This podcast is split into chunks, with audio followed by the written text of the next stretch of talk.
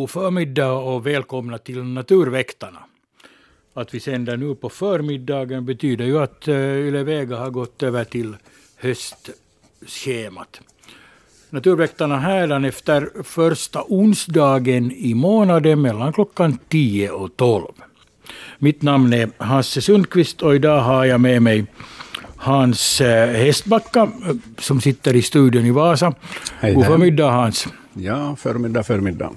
Och Mimma Ekblad här i studion i Böle. Hej. Hej.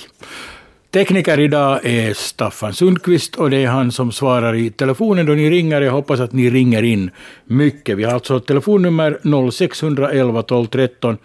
Det är bara att ringa in så försöker vi svara på era frågor. Vi har mycket kunskap med oss.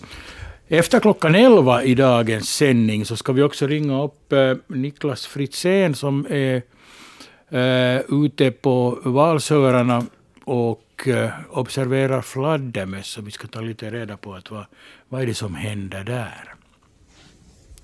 Nåja, eh, Hans, du har inte varit med nu under augusti på nat- Naturväktarna. Hur har din sensommar sett ut? Jo, alldeles bra. Mycket sol och en hel del värme. Och sen har det varit en del duktiga blåsväder, men att, eh, jag tycker att eh, sol och värme har dominerat. Och, och det har ju fått bland annat rönnbären att mogna, börja mogna. Nästan alla, alla rönnbär är röda redan fast de inte är sockerfyllda. Börjar man märka att, att hösten, hösten är här. Jo, visst känns det det idag då jag körde hit så har, på morgonen var det eh, första lätta nattfrosten så det var faktiskt is på vindrutan i Haapajärvi när jag startade därifrån i morse. Jaha. Men nu just så lyser solen i Vasa och det är kanske plus 15 grader i, på läsställen. Ja, ni ska ju ha förstått, ska ni ha bra väder uppe i Jo, jo. idag, Jo. så det, det är bra det. Nå Mimma, hur är det med, med din sensommar? Det märks ju nog här också att det har blivit höst på måndagen, var det då den sista augusti, och jag hade bestämt att jag skulle gå och paddla och, och jag fick sätta på mig både mössa och, och paddlingshandskar. Och det kändes som riktigt höst och sen på tisdagen så var det ju sommar igen. Ja, vi får ju se nu hur det, hur det går här framöver. Men i naturen så kommer man ju att se det bland annat med att fåglarna flyttar bort och, och sånt. Ja, det är ju mycket fåglar som flyttar som bäst då. Och, och bland annat småfåglar då. Och man stöter på de här grupperna i, ute i, i markerna allt emellanåt. Är det eh, eh, ni som eh, bångar fåglar, vilket jag, jag, jag antar att, att ni gör, du Hans i alla fall och Mimma. Är det så att man också på hösten bångar lika mycket som på, på våren? Ja, jag tittar ju på fåglar året runt. Jag bångar inte, men de som är ute och, och, och söker kryss, eh, alltså bångar dem, så de är aktiva året runt förstås. Men jag gillar mest de här vardagsfåglarna som, som man har omkring sig hemma på gården och, och på cykelturer och när man är ute och vandrar i, i, skogen. Precis. Det är det är, mest intressanta. hur är det nu då, då vi pratar om, om eh, klimatförändring och sånt och vi såg hur förra vintern var, i alla fall här i södra Finland så, så var det mm, höst, var det november eh, i många månader. Hur kommer det att påverka de här småfåglarna, flyttfåglarna?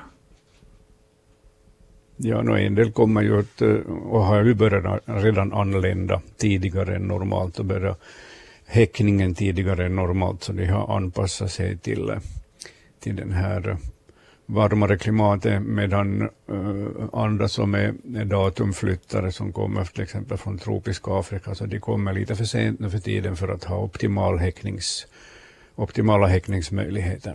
Så det är beroende på arterna. Och så finns det ju många arter som häckar då delvis i Finland, och, och, alltså vissa häckar i Finland och vissa häckar sen individer utomlands. Och mycket flera blir då kvar i Finland och häckar. Ja, ja det ser man bra på koltrast och, och, och kungsfågel bland annat. Precis, Så vi kan räkna med att i framtiden så, så har vi året runt, mera året runt fåglar. Ja, om, om, om den här negativa utvecklingen fortsätter så blir det på det sättet att vi har mera övervintrande fåglar. Men samtidigt så, så lider ju de här traditionella vinterfåglarna skada av, av ett mildare vinterklimat. Mm. Så Ja, det finns, det- finns både förlorare och vinnare. Precis. Vi har ett, ett samtal. God förmiddag, vem talar vi med? Det är Jocke Fabricius från Kimita här, hej. Hej på dig. Det där, jag undrar, är det vanligt att svanarna har vita ungar? Vi hade nämligen ute i Ekenäs skärgård i somras, hela sommaren, så var det två eller tre ungar med svanarna, men de var inte gråa som normalt, utan de var vita. De är ungarna. Ja, vad säger vi om det? Var de alltså alldeles små ungar, att de var liksom helt tydligt då från i år, att de var betydligt mindre än de här föräldrarna? Jo, jo, jo, jo. De var ända, ända sen sån där, vad vi nu såg dem, ungefär en 10-15 centi långa. Så har de varit vita. Ja, det förekommer att, att svanar får helvita ungar och de kallar, kallas traditionsenligt för polska svanar, de här, de här vita ungarna. Och, och, eh, vanligt är det inte, men det förekommer, man kan se det med jämna mellanrum, men nu och då ute i naturen. Varför kallas de polska svanar? Det kommer jag tyvärr inte ihåg nu Ja. just, men att de har fått den beteckningen. Ja, Jag har aldrig sett vita svanungar. Ja, jag har sett vid ett par tillfällen. det är nog första gången som vi har sett där ute. Ja. Ja, inte, inte det är ju vanligt. Inte. Nej, nej, nej, det är det inte. Ja. Men ett, Just intressant, ett intressant fenomen Ja. som man ja. lägger märke till. ja, tack för det här. Bra, tack ska du ha för att du ringde. Ja, tack, hej. Bra, hej. Polska vita svanungar. Nu fick vi veta det. Att det finns, finns sådana också. Ni kan alltså ringa in hit till 0611 12 13. Och så rekommenderar jag också att ni går in på vår bildblogg om ni har en, en eh, dator eller smarttelefon i närheten. eh, På svenska.yle.fi snedstreck natur. Och, och, och så, men vi tar in nästa samtal. God förmiddag. Ja, hejsan. Hej. Eh, Det här är Carita från Österbotten, eller jag är egentligen från Helsingfors men jag har mitt sommarställe här uppe i Österbotten. Och det där, ja, jag skulle ha eh, två frågor. Eh, Jag undrar varför har det varit så väldigt lite fåglar i år? Mm. Jaha. Mm. Att vi, vi brukar ha mycket, alltså jag har en holme, eh, holme som jag bor på och, och det där, eh, vi har, brukar ha mycket fåglar, fåglar och, och nu har jag knappast sett någon, jag har sett en hackspett, no, några skator och sen, sen en sån här liten fågel som faktiskt inte riktigt vet vad det är för en, den sån här gråbrun men sen har den där uh, uh, vid huvudet och nedanför som en sån här nästan orangefärgad den, den här, de här fjädrarna. En rödhake kanske? Ja, no, jag tycker att den riktigt ser ut som en rödhake men, men uh, kanske det är den. Så, och och de, de har varit, och varit egentligen ganska tama, de få som jag har sett. De har gått här på marken och jag har kunnat promenera efter dem eh, flera meter och de, de har inte flugit någonstans. Så att jag vet inte, det, har det någonting att göra med, med den här varma vintern? Eh, Hurdan holme har du sommarstugan på? Eh, Det är en, en hektar och den är det där, jag har bilväg fram hit. Eh, och så det är en sån här, här finns hus, hus men också eh, halva holmen är, är det där eh, naturskog där, där det växer skog med, medan andra halvan är då bebodd med hus och, och det där. eh, Ja. N- när har du börjat vistas på, på sommarstugan i år? eh, Jag kom hit redan i, i, i maj. Ja, just ja, så du kom i, i god tid för att se att det finns fåglar eller inte. Mm. Ja. Ja, då, jag misstänker att det, det kan finnas till exempel mård och mink som, som det här Mm, mm. jagar där på holmen och mården har ju ökat mycket och ja. den är en skicklig jägare och minken Ja. lika så. Jo, jag vet att här, eftersom här finns det där, eh, har funnits mink, eller jag vet inte om det finns fortfarande, men, men eh, här har åtminstone funnits mycket minkfarmar. Men jag, jag har nog sett minkar tidigare, men i år har jag inte sett. Förra året så såg vi, såg vi en det där, eh, sån här, ehm, vänta, nu min man är engelsman och han sa det på engelska, det där namnet Pine Martin. Eh, För det, det var sån där, vad heter det, det såg ut som en, det skulle ha varit en mårdhund. Den, den stod på, på sina bakben och, och hade det, tassarna upp. Uh, ja, mårdhunden brukar inte göra det, men mården kan göra det. Aha, okej. Mart, Ja, Martin, Martin är väl mård? Ja. ja.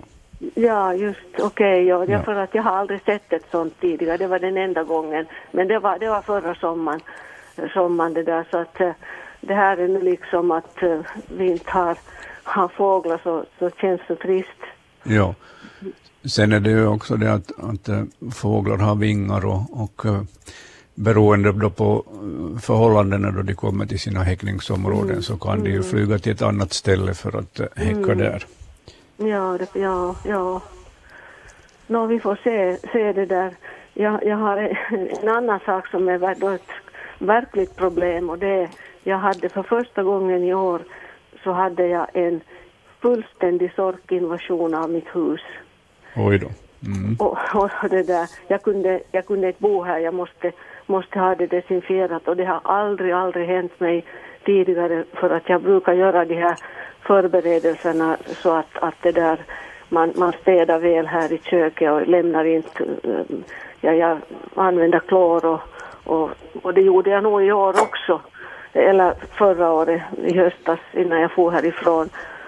Så det där, eh, så jag vet inte att, eh, är det det att sorkarna också har varit fler i år? Jo, säkert har det funnits gott om sorkar och kanske skogsmöss som också trivs inomhus. Jo, jo, jo det är både och har det Ja, varit och, och, och det där.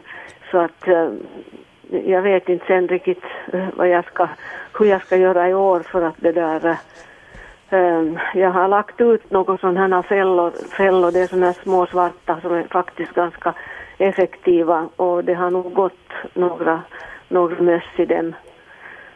Men det där eh, för att jag har nämligen, jag kan inte ha på elektriciteten, det finns ju sådana eh, som man kan sätta i, i eh, eluttaget Ja. som ger, sådana, men jag kan inte göra det för jag har avstängt elektriciteten på vintern när jag inte är här. Här det där så att Jag, misstänk, jag misstänker att äh, mössen och sorkarna redan har börjat minska där på din holme så att, så att det här, jag tror att du inte får samma problem inkommande vinter. Men speciellt inte om där då finns små rovdjur som kan ta fåglar, Ja. så de tar ju förstås sorkar och möss också. Mm.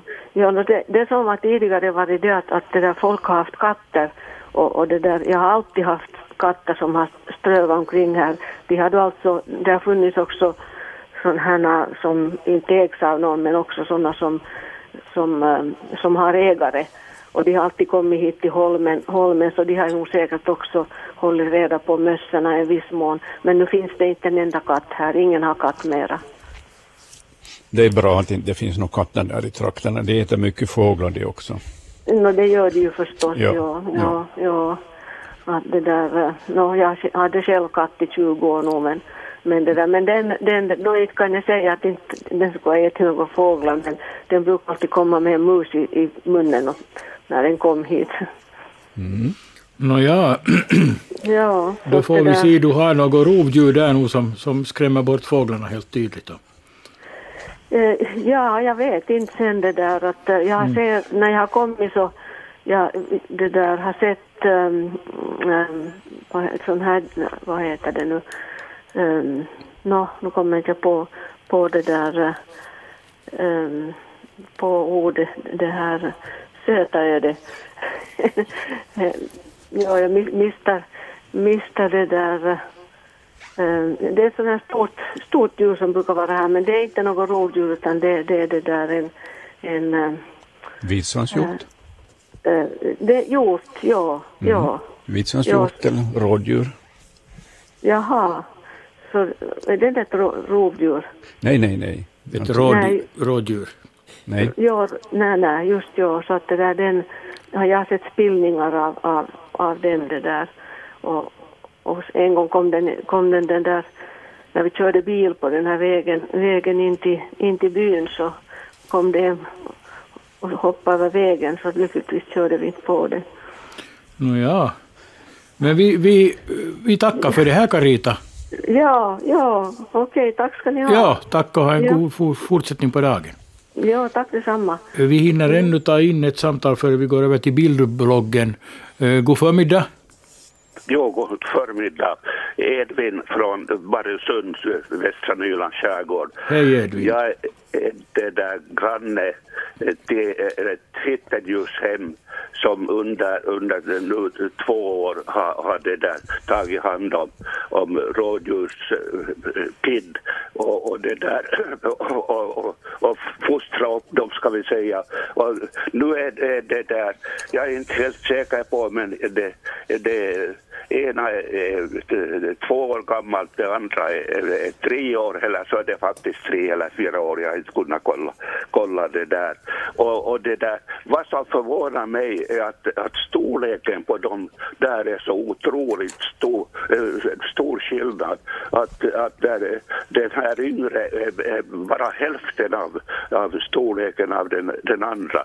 Och, och min enkla fråga är det att inte växer ju rådjuren numera. Alltså, alltså sen när det, när det, om det nu är två år den här. De, de växer inte mer när de är två år gamla, åtminstone inte mycket. Men det där skulle det kunna vara så att den andra är en vitsvanshjort. Nej, nej, nej, nej det, det är nog rådjur för det. Jag har ju varit med när de, när de har, har växt upp dem så att det, det är helt klart. Och, och, och, det där. och den här lilla den har, den har två, två eh, det där kid i, i, i, det där i år och den andra har nu tre, tre men, men det där så att den är nog helt, helt, helt det, det är garanterat båda rådjur men så faktiskt så, så jättestor skillnad på, på det där storleken. Är det bockar eller getter? Jätter, jätter eftersom de har fött, fött kids så är det, är det, är det jätter.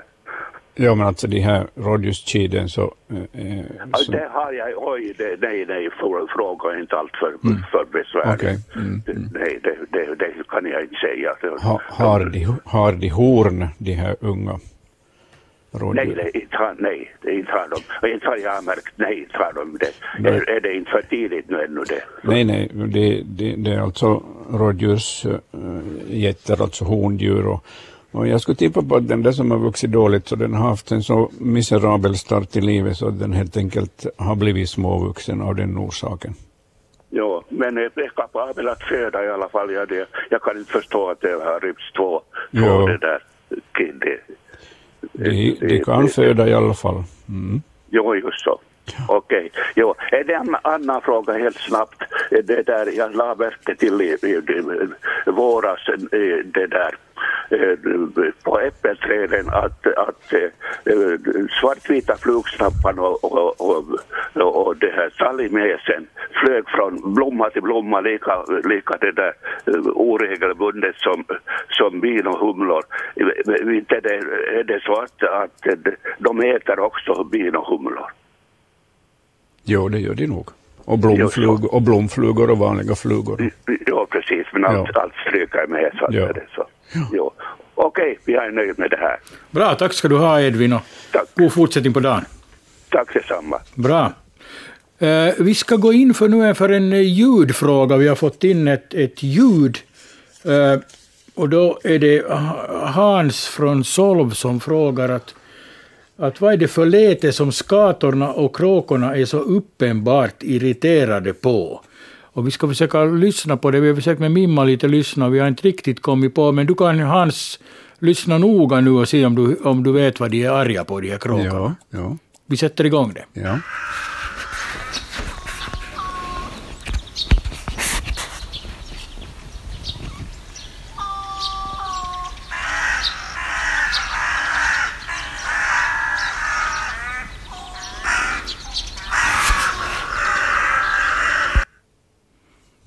Fick du reda på vad det skulle kunna vara? Jag tänkte du på det där å, å. Det måste ju vara det där å, å där. Som, Ja, det är en kråka som har ett speciellt läte. En del kråkor som produceras som den här läten så att uh, den är bara med i gänget där och, och uh, skäller ut en duvhök eller en berguv inne i något skogsbryn. ja, så ja, ja. ja. Så, Så det, det, det är en kråka som hade det där Ja, konstiga. ja det, det finns en del kråkor som brukar brukar briljera med lite avvikande läten och, och det där är just ett sånt där typiskt läte som en del kråkor förälskar sig i. Ja, precis, tänka Ja, sig. ja, Ja, ja, så det var bara, kom bara med och ropa och skrek Japp, där med de ja, andra. ja. Och den som de är arga på, den, den hör vi inte. Den hör vi inte, nej. nej. Men kråkorna ser den. Kråkornas sida, ja. Och de, bra, bru- de brukar vara så där förbannade när de har duvhök eller berguv inom synhåll. Vi är att det kommer en, en annan rovfågel dit så då, då börjar de ropa och skrika. Men då fick Ja. vi rätt på det att det där är inte, att ljudet hör vi inte men, men det var en, en, en finare kråka. Ja. så, så, ja. som hade annat ljud, pratade ett annat språk. Mm. Nå bra, och då om vi skulle gå över till, till bildbloggen då, alltså finns på svenska.ylle.fi snedstreck natur. Nu har vi här ett, eh, de första bilderna, ett eh, collage. Det är från en, en, eh, ett fågelbad som Bengt från Bockholm har skickat in. Och då vill han veta, han har gissat vad det är första bilden, vilka fåglar som, som finns där. Har han rätt i dem då, att det är en blåmeslöv eller lövsångare i första, rödstjärt, hona, svartvit flugsnappare, bofink, svartvit flugsnappare och fyra gånger svartvita flugsnappare. Har ni hunnit titta på de där bilderna? Vad, det, vad som finns där på den här första bilden? Mm, har du Mimma äh, tittat på det med närmare? Ja. Jo, det verkar stämma den här första satsen bilder. ja, jag tänkte på den här sångaren. Jag tycker den ser så grov och, och stadig ut och, och färgen uh, skulle kunna vara en, en härmsångare. Året, Årets unge. Sångarna är hemskt svåra att se skillnad Ja, på. det tycker jag också. Så jag är inte säker, men jag, jag, jag tyckte att, att en lövsångare är det inte. Men, men, men det här... De andra är, är, är okej, ja. Blå, eh, det, du, du tror inte att det är en blåmes den här då? Jo, blå- där är ja. både en blå Det är blåmes och en, Ja. och en sångare. Ja, det är Ja. den första bilden. Ja, det är Ja. sant. Det är två fåglar där. Ja. Ja, och sen är det en rödstjärt precis som han har, en ung fågel. Och, och uh, bofink och, och svartvit flugsnappare.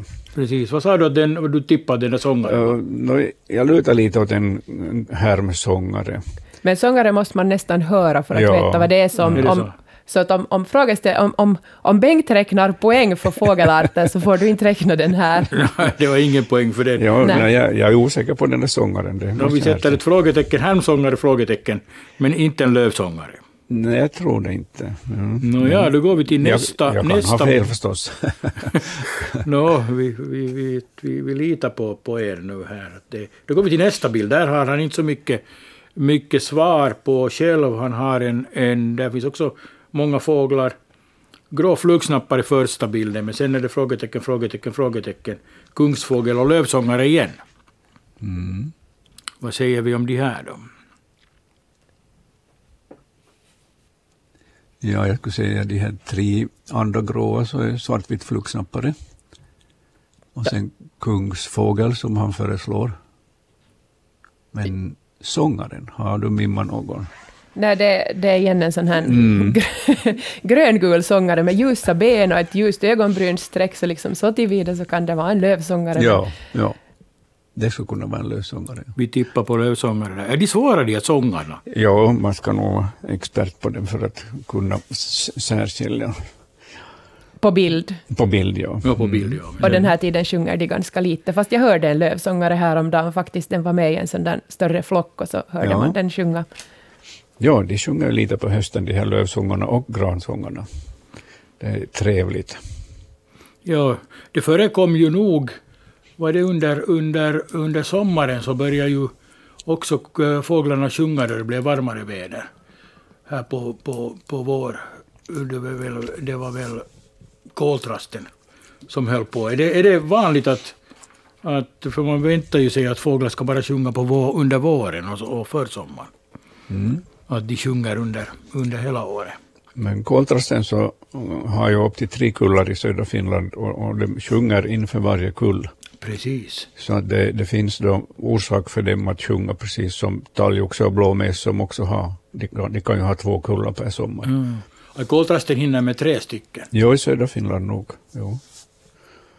Och det är ju en hemlighet till att den har ökat så kraftigt, den här koltrasten i södra Finland, men också i mellersta Finland. Speciellt de övervintrande exemplaren. Ja, ja, men det är ju en fin, fin Mm. fågel den är. ju. Alltid roligt att höra koltrasten sjunga. Ja. Sen har vi eh, nästa fråga som kommer från Jack i Brännskär i Seglinge. Han har en stilla undran om huruvida gråspetten är en ovanlig art som vi har som gäst här där i, i, på Brännskär. Och även lärkfalk. Är det här en ovanligt att få gråspett och lärkfalk? Nej, jag skulle inte säga det, utan, utan eh, lärkfalken eh, den häckar ju på, på utmärkta ställen, alltså där det finns mycket trollsländor och svalor att jaga, och den häckar ju gärna i skärgården. Uh, och sen gråspetten är ju en hackspettsart som är på eh, spridning norrut i Finland och, och har ökat i antal. Så att, men eh, den visar ju inte sig så ofta, men allt fler personer så fa- får faktiskt se gråspetten. Så att, direkt ovanligt är det inte, men man har, ju, har man tur så får man se den också. Den är ju oerhört vacker i sina mossgröna och gråa färger. Men fortfarande så är den ju mycket ovanligare än till exempel en, en större hackspett, så att man ska Jo. nog vara glad om man ser en gråspett. Det är, inte, det, det, det är inte någon sensation, men det är ändå lite sådär spännande och, och, och, och inte alldeles vanligt. Så är det ju. Mm. Hur eh, långt norrut har den spridit sig, gråspetten? Ja, jag undrar om inte man har observerat, alltså man har observerat den ända upp i, i Lappland, den här gråspetten, på 2000-talet. och- Men nu kommer jag inte ihåg var den nordligaste häckningen har observerats, kanske i Uleåborgstrakten. Ja, jag har framför mig här Jaha. eh, Lintuatlas, fågelatlasen, och det finns faktiskt i, i uppe i Lappland, högt uppe i Lappland finns det en verifierad häckning, men här ser man helt tydligt att det nog är en sydlig art, att, att i Österbotten är den ganska, ganska uh, fåtalig. Men till exempel där på Åland, runt Seglinge, så finns det också några verifierade häckningar. Ja. Ja, gråspetten är ju ursprungligen knuten till ekens utbredningsområde i Finland. Men har, har etablerat sig ganska bra i Österbotten också idag. Mm. Är det ännu ett, ett tecken på klimatförändringen? Då, Nej, det är nog en art som liksom har expanderat norrut eh, tack vare en livskraftig stam i, i södra Finland. Precis, ja. Den är säkert ny, ny, ny livsplats åt Ja, sägarna. ja. Ja, det är intressant att se hur, de, hur, de, hur det förändras. Hur är det annars med, med häckningen i, i, i år? Har den lyckats bland fåglarna? Jag förstår att med, i alla fall med havsörnarna, Mimma, så har det lyckats jättebra. Ja, det, Eller sådär lika bra som förra året, ska vi säga. ja, det är nu en sån där liksom, helt normal häckning för havsörnen, varken bra eller dålig. Ja, jag tyckte bara jag hörde, jag läste någon nyhet om att det var väl 650. Nå, stammen ökar Ja. och sen när alla får ungar så blir det helt bra. Till exempel på Åland så var det inte särskilt bra häckning. Nej, utan det var på annat. Vi hade ju Helsingfors en lyckad. Jo, Ja, precis. Ja, ja. Hur, är det, hur ser du Hans på de här häckningen överhuvudtaget med fåglarna? Har de lyckats? Jag tycker det har gått bra för dem och, och jag tycker det här eh, Bengts eh, bilder från det här provisoriska vattenbadet som man har haft på sin, på sin vad det är, egnahemsgård eller sommarstuga så visar också att det finns mycket ungfåglar i farten. Bland annat svartvit flugsnapparna har haft ett bra år. Mm. Och rödstjärten har fått mycket ungar och bofink. Så det, på, må, eh, på många ställen i Finland så har den här häckningen lyckats. Och, och i skärgården så har ju många fåglar lyckats bra. Bland annat i Närpes så har ju Närpes skärgård, där jag brukar vara en hel del, så, så där har de ejdrarna fått mycket ungar ut på vattnet och också flygfärdiga vid det här laget. Så jag skulle säga att eh, ett normalt bra år har det varit. Ja, så att ejdrarna har lyckats bra uppe i, i, i Närpes. Ja, det brukar vara det normala nog att, att de får en hel del unga fast det går dåligt i södra Finland där då predationstrycket från örnar och trutar är- för stort. men hos oss i Esbo så fick de mycket ungar, där är inte särskilt högt predator- predationstryck. Vad trevligt. Ja, det är bra att, att vi kan också visa på sådana här områden där det finns en god reproduktion, bland annat hos ejden. Precis. Jag tycker också att jag har märkt att, att det finns massor med, med i alla fall småfåglar som i, i fågelbad. Om man har på Ja. gården ett fågelbad så, Ja. så är de där och, och, och tvättar sig eller dricker. Ja, ja, ja det här Bengts fågelblad i det här, i det här eh, klippskrevan som visar att det lönar sig att sätta upp ett, eller att ordna ett fågelbad. Antingen på det här sättet eller sen enkom i något brett och relativt grunt fat där de kan bada och dricka. Så det är stort det är behov av, av, att, att få, för man märker direkt att de kommer, fåglarna kommer om man sätter fram Ja, det har ju varit torrt på många ställen i, i Finland så att de är nog beroende av att, att det finns sådana här små vatten där de kan dricka. Dessutom så kommer det mycket insekter till sådana här ställen också och dricker. Om man har en, en, sån- ett sådant här fat så måste man komma ihåg att sätta en liten sten åt insekterna så de kan klättra upp där så de inte drunknar. Ja. Ja, precis, en sten i mitten som de kan. En ö åt insekterna. Mm. Mm. Ja, ja, ut med, med fågelbad åt, åt fåglarna så att de får, får sitt, så får man se samtidigt massor med fina Jo, det är ju oerhört intressant att kunna, kunna se på egen gård en massa olika arter som kommer på besök. Ja, så kommer, och de är inte så hemskt rädda heller, jag har märkt, och de kommer och, och dricker sitt vatten om man sitter stilla och, och iakttar dem. Ni kan ringa in 0611 12 13. Vi går vidare i frågan. Nu har vi en, en bild på kom det, där eh, Henrik i Älvik frågar att, att finns det, är det en skräntärna som han, som, som han har lyckats fota. Han tycker själv att han har eh, misslyckats med bilden och den är lite suddig men, men, men eh, man kan ju se nog vad det är för fågel, eller vad Mimma? Jo, det är en alldeles tydlig skrentärna. Den, den, den är visserligen lite suddig, men skrentärnan har en hemskt kännspak form. Och den här är helt tydligt då skrentärnsformad. Och sen har den de där tydliga svarta vingspetsarna och det, det skriker också skrentärna. Mm. Ja, en typisk Det, han, han säger att, att Wikipedia talar om rödlistning och hur är det idag med det?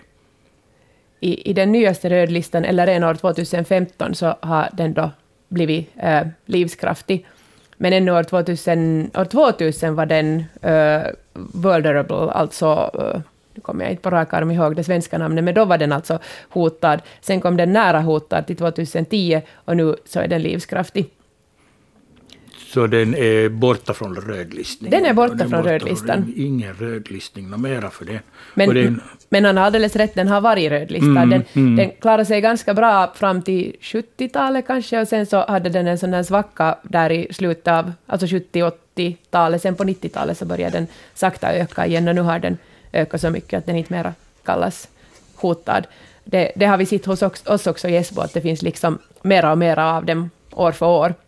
Att nu är de rent av rätt vanliga där. Det är roligt därför att jag, det man kommer ihåg från ungdomen då på, på, på 70-talet, början av 70-talet, så det fanns det massor med, med tärnor, eller är det bara en sån här glansbild man har av sin, sin barndom? Men det kan ha varit fisktärnor och silvertärnor. No, de, det kan ju, ha varit, ja, det, precis, det kan ha varit. Men tärnor var det i alla fall. de har ju inte varit borta här De har inte varit, nej. No, precis.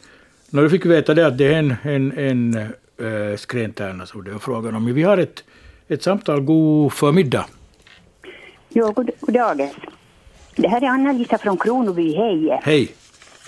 Jag, jag blev så intresserad av de där vita svanungarna. Så, och jag har, jag har inte visst att, att det är ovanligt att ha vita svanungar. Så jag trodde att det är allihopa vit. För vi hade vid sommarstugan för eh, ganska många år sedan så, så kom tre svanungar och de, var, de hade förlorat modern så de var ensam. Och det var tre, tre stycken. Och vi tänkte att vad ska vi, de var ju som små kycklingar och var riktigt vit var de. Och, och jag hade eh, svärsonen Peter som är intresserad så han ringde upp hans hästbacka och frågade vad vi ska ge dem att äta så de, de växer. Och han sa ju att vi ska inte, om de äter gräs så ska inte vi ge dem något. Och, och det här, de åt och de växte. Och det var ju så fint.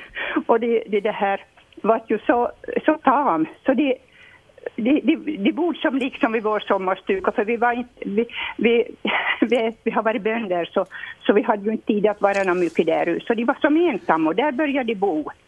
Och, men, men, men när hösten kom Ja, vi hade ju små flickor, eller barnbarnen som var så intresserade av dem som var det, det kring under tio år var det. Och, och det här. Men då hösten kom så var inte riktigt roligt vi hade dem mer eh, vid villan. för, för, för, det här, när vi kom dit, varje gång så fick jag gå med svartpåsen. Ja. Mm. och jag tänkte att vad ska vi göra åt dem? De var så tama. Vi försöker flytta dem, så det tjas dem, men de bor vid oss. Och, och, och sedan så flyttade vi Norden. Så på hösten så vi hade, jag hade en stor låda och jag hade sonen till hjälp med så vi lade mig i en låda och så for jag med roddbåten lite där det inte finns några villor. Så jag lade dem dit och, och jag hade nog lite ont samvete när jag, när jag som kastade dem i sjön och sa lyck, lyck, lycka med er. Och var, varenda gång jag ser de där svanorna så kommer jag ihåg det. Ja. Och, och jag visste ju inte att det var något annat än, jag trodde att all svanor är vita. ja, alltså sångsvanarnas ungar är ju vita. Men just, just det här pol, polska svanar så, så det här gäller knölsvanens ungar. Knölsvanens ungar är ju, är ju normalt gråa men ibland kan de ha vita ungar. Ja. Jo, Mm. Nej, faktiskt det var så intressant till det så jag kom ihåg det när jag hört om just om de vita svanorna för jag ju trott att allihopa är vit. Mm. Ja, det är sångsvanar ni har där. ja, det, det måste vara det då. Ja, Ja, det så. måste nog ha varit sångsvansungar det där. De är nog, alltså Jo. sångsvansungar är mera liksom gulaktiga. Ja, men de, de var nog vita. De var nog vita. Jo. Men det, jag har inte sett sedan som vi hade några, några svanungar där inte, men, men just här i sommaren så, så hade vi så hade vi hela tiden. Jo. jo. Ja, men- men vi får ju hoppas att de, att de klarar sig sedan med flyttningen söderut. de, de var ju fullvuxna på hösten då jag, då jag Mm. för, förde dem. Och, och det här, så, så de kunde ju flyga och allting och det. Ja. Men de liksom bodde vid, oss. Ja, ja. Normalt så är det ju föräldrafåglarna som lär dem flyttningsvägar och rastningsställen. jo, men de hade ju ingen, de hade ju ingen, inte hade de någon moder. Nej, nej, de, de slog sig och det var säkert. lite konstigt tyckte vi att hon hade säkert, ja hon hade lämnat dem eller hon hade dött eller hur det nu var så. Ja, ja. Jo, men, men, det var, men det, det, det var så det. No, jag ville bara ringa och berätta det. Jag tyckte att det var så intressant. Ja, bra. jo, tack, tack. Ja, tack ska du ha. Hej. Ja, hej. Ja, ja, så sångsvanarna är... De är mera, mera vita än gråa, de där ungarna. Inte, inte helt vita, men, men betydligt, eh, alltså det är en skillnad mellan knölsvanens ungar och, och uh, sångsvanens ungar. Och minns jag rätt så, så är just den här beteckningen polska svanar så gäller då vita knölsvansungar. Vita knölsvanar, ja. Ja, Ja, ja, det var ju vårt nya, vår nya beteckning idag ja. på, på dem. Nu har vi nästa fråga i bildbloggen, eh, handlar om en fladdermus, men den hoppar vi över och tar efter klockan 11 då vi ska ringa upp Niklas eh, Fritzén. Eh, så hoppar vi till nästa bild i bildbloggen. Och det är en larv. Och det är Wendy eh, som har, har hittat den i skogen. Det är en grön sak med eh, ett, ett klar... Mitt på ryggen har den ett, ett streck. Vad har vi? Den ligger väl på ett hagelgevär som den, den finns för tillfället på den här bilden. Men att, vad är det för en, för en larv vi har där? Det här är en, en sorts larver som är alltså ganska tjocka och som brukar rulla ihop sig till en liten boll. Och en, en liten tjock boll blir det av den. Och, och det ska bli en klubbhornsstekel. Det är alltså, den är släkt med bin och getingar och myror, men den har alltså ingen, ingen stickgadd. Den är ganska knubbig och man känner igen de här växtsteklarna på att de inte har någon midja. Klubbhornsstekel, slarv. Jo. Precis. Är den lätt, det är lätt att känna igen den. Eh, det är lätt att känna igen den för att den, den är så typisk. Den kan ha lite olika färger, den behöver inte vara så där grön, den kan vara mera mot gult också. Jaha, precis. Nå bra, då fick, vi, då fick eh, Wendy reda på vad det är för något. Sen har vi igen, eh, nästa bild är också en, en larv, och det här är den här lurviga sorten. Med ganska långa, lurviga hårstrån. Som ligger... Eh, den har kommit upp i, i en säng och Eh, Det är Mira i Vasa som har, har fotat den här. Den är ungefär ungefär en centimeter. Ljus på undersidan. Som vi ju inte ser här men på bilden, men, att, men den är sån här brunaktig. Det, det, är en, det är en hemskt skarp och bra bild. Det är en, Jo, en otroligt fin bild. Ja. larv med väldigt, väldigt, väldigt långa hår. Och det är inte så hemskt konstigt att den finns inne, för det, det är faktiskt inte någon fjäril, utan det är en skalbagge, eh, larven till en, en fläskängar. Och en fläskängar är ju en sån här skadeskalbagge som kan bo i ens skåp och äta, äta fläsk och allt möjligt som man har där. Men den kan också äta till exempel pälsar och sånt. Um, De brukar nog inte... Vi har ibland fläskängar hemma, jag har aldrig sett dens larver, men de här skalbaggarna ser man då och då. Det är bara att kasta ut dem om man hittar dem. Den här kommer jag ihåg, hon bor på femte våningen, så den har, den har klättrat upp dit eller tagit hissen. Eller flugit. Det är en Ja. skalbagge. Ja, det kan hända faktiskt att den här, den här fläskängarlarven har kommit in via en ventil från, från ett det här som finns i en ventil i höghuset. Mm-hmm. Eh, mm. Tornsvalor häckar gärna i, i, i de här ventilerna, bara det kommer in där och på vissa ställen brukar de falla bort, de här gallren på utsidan. Och, och fläskängrarna, larverna som lever i de här, lever överhuvudtaget i fågelbon, också i sparbon och talgoxbon, där de äter organiskt eh, avfall i- inne i det här boet. Så det kan hända att den har kommit utifrån via en ventil. Precis, hur ser de ut när de är färdiga, när de är skalbaggar då sen? De är ganska små, kanske nå, under en centimeter långa och, och ganska smala. Och så är de svarta, men de har en vit rand på mitten och där finns två svarta fläckar. De är hemskt lätta att känna igen. Det går inte att, att blanda med någonting annat. Och de ska man inte ha hemma. De ska man inte ha hemma. De får gå ut. I, I gamla tider så var det ju faktiskt besvärliga det här då man förvarar föda mera öppet och det är därför de heter fläskängar också, för de högg gärna in på, på kött av olika slag.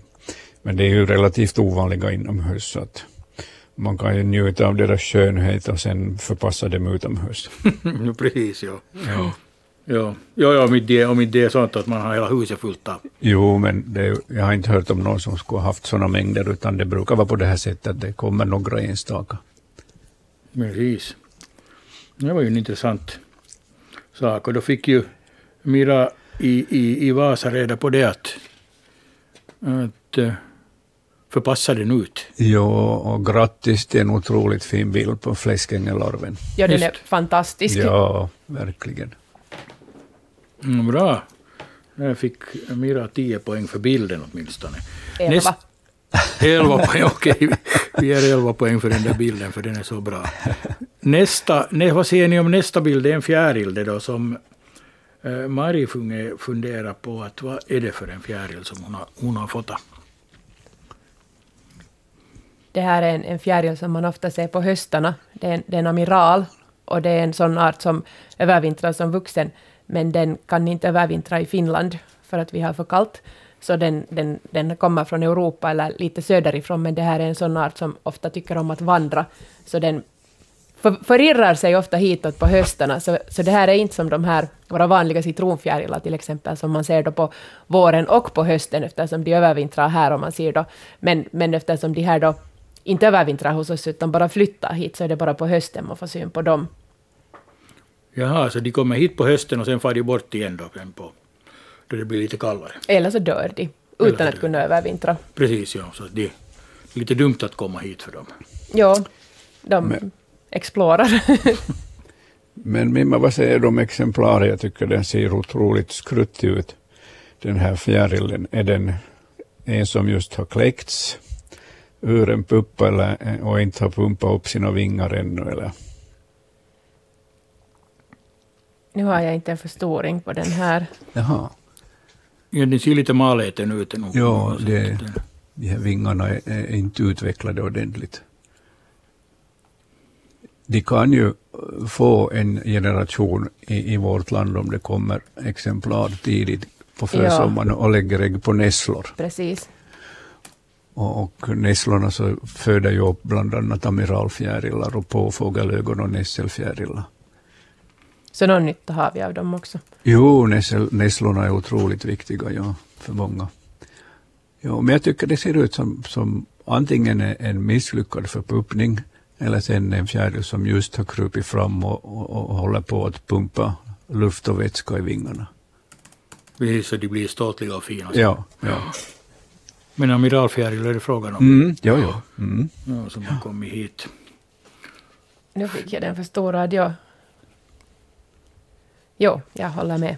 Är, Mm. Ja, inte ännu riktigt färdig eller helt färdig. eller, eller konstig. Ja, eller Ja. konstig. Mm. Precis. Vi har ett samtal. God förmiddag eller god dag. Goddag, goddag. Jag är Björkstrand från Kvelax. Ja, Och jag, jag lägger mig till minnes att för många år sedan, är nog tio år sedan, så gick jag i Hankmo by, och tittade uppåt och så såg jag en fågel som jag aldrig har sett tidigare. Och, och då frågade jag hur, hur långt söderut kommer en sådan fågel som heter labb? Ja. Jag kände igen den på stjärten. ja, vilken tid på året var det? Det var nog på sommaren. På sommaren, ja. Ja, eh, labben, eller kustlabb som den heter idag, jag tror att det var ett, ett sådant exemplar eftersom det var i Västerhankmo, kanske nära vatten. Ja, inte så långt ifrån. Ja, så de finns ju häckande i, längs med kusten i vår skärgård och, och sen när de har häckat färdigt så kan ungfåglar och också gamla stryka längs med kusten och, och in i vikar och sånt där, där de jagar efter fisk från andra fåglar. Så att eh, kustlabben finns ju häckande längs med hela vår kust. Så att det, det, det är nog en, ett, en naturlig utbredning i, i Österbotten. Vi har en hel del labbar, kustlabbar häckande i österbottniska skärgårdar. Jag trodde det skulle höra till Lappland. Ja, det finns ju en, en, en annan labb som heter fjälllabbe som häckar i Lappland och det är ju inte uteslutet att det skulle ha varit en fjälllabbe. Eh, Mm. ja, det är en labb du har sett där flygande. De, de är jättefina fåglar och, och i Finska viken finns det ju inte av dem. Ja, Så, så, så, så för mig är de exotiska. Jo, de är otroligt fina. Det är min främsta fågel som jag ringmärker varje år. Jaha. Jo. Men, men antingen är det då en kustlabb eller sen en fjälllabb. Ja, Mm. Och ja, båda, bra. Tack, tack så mycket. Tack ska du ha för det. Labben, hur, hur du säger Hans att du, det är din främsta fågel. Eh, Hur vanlig är den då där i österbottniska kusten? Är det? Ja, den är ju inte talrikt förekommande, men den finns i utskärgården och delvis i mellanskärgården också. Och den är ju en kleptoparasit som lever på att stjäla mat, alltså fisk från tärnor och måsar och grisslor och, och, och tordmular. Och, och därför kan den ju inte vara va, eh, talrik heller, utan det finns ett par här och ett par där. Och på goda ställen, det vill säga utskärgården där det finns mycket häckande tärnor och måsar, så där kan det finnas tre, fyra par häckande eh, inom synhåll från en och samma plats. Men annars brukar det, brukar det vara längre avstånd mellan dem. Så de fiskar inte själva? Nej, de fiskar inte själva fast de skulle se flytande norsa till exempel på vattenytan så plockar de inte upp det utan sen när en mås plockar upp den där norsen så då börjar de jaga den där måsen. Så de är, Märkliga. ot- ja, de är otroligt eh, specialiserade. Precis. Hur ser en, en labb ut för oss som inte vet? Ja, den är ju ungefär måsstor och eh, normalt chokladbrun. Och, eh, har ganska långa vingar och, är skicklig i sin flykt. Sen har den ett jamande läte när den, när den låter höra av sig. Men det som man alltid känner igen den på är den här stjärten, för den har som ett stjärtspröte, och det har ingen annan av våra fåglar. Så om man ser det här, en, en måsaktig fågel som har ett stjärtspröte, så då är det en labb. Då är det en labb. Ja. ja, de måste ju vara bra, skickliga flygare om de ska, om de ska stjäla av andra mat. Visst, visst. Ja, Jo, de har utvecklat en otrolig flygförmåga, de här labbarna. Det, det, finns ju många fåglar som ägnar sig åt kleptoparasitism och tar fisk av andra, men, men just labbarna så, så gör det enbart. De andra så brukar vanligtvis fiska själva också. Ja. Man skulle tycka att det är lite riskig business att om man inte lyckas stjäla någon mat så då svälter man ju ihjäl. Jo, det, det kan förstås förekomma för att det här, de måste vara på sådana ställen där det finns fiskande fåglar. Mm. I äldre tider så, så då ansåg man ju att, att eh, labben var en otroligt omoralisk fågel när den stal av andra, så man förföljde den aktivt, förstörde bon och sköt gamla fåglar när man kom åt. Jaha. Men idag får den vara i fred från sådana moraliserande åtgärder. Ja, ja för alla, alla har sin specialitet. Jo, och dessutom är den ju fredad som alla andra fåglar. Ja, ja så den ska man inte gå. Nej, nej. Precis inte. Men man hade, ju, man hade ju andra värderingar i, i den gamla tiden. Mm, mm. Intressant. Mm. En labb, kustlabb. Kustlabb eller sen fjällabb hade han sitt. Ja, precis som den hade kommit ner där. Precis. Om vi då går ännu över till, till eh, bildbloggen igen, som ni kan följa med på svenska.yle.fi snedstreck natur, så har vi nu äh, bild på en syrsa bredvid en tändsticksask, lika stor som en, eller lika lång som en tändsticksask är den. Och det här är alltså Hasse som, som har skickat in den här bilden. Och han tycker att den här är en, en, en, en jättesyrsa. Han har inte sett en sån på 57 år. Uh, vad är det vi har eh, bild på här? Det, det finns tre olika sorters djur av sådana här rätvingar som, som ser ut som syrsor. Då. Men att de som finns hos oss, så de är inte syrsor, för syrsorna, syrsorna bor längre söderut, eller sen bor de inomhus, det finns hussyrsor. Men de två sådana här djuren som man ser hos oss, så det är då gräshoppor och vårtbitare. Och det här, det är en vårtbitare. En vårtbitare. En, en grön vårtbitare. Och vårtbitaren är, är, är framförallt då ett, ett rovdjur, så, så den äter mera köttbaserat än växtbaserat, medan gräshoppan då är en, en inbiten växtätare. Och att det är en vårtbitare så kan man se på att den har, no, dels är den rundare, och sen har den det där, det här är en hona, den har ett jättelångt äggläggningsrör i baken, ser man.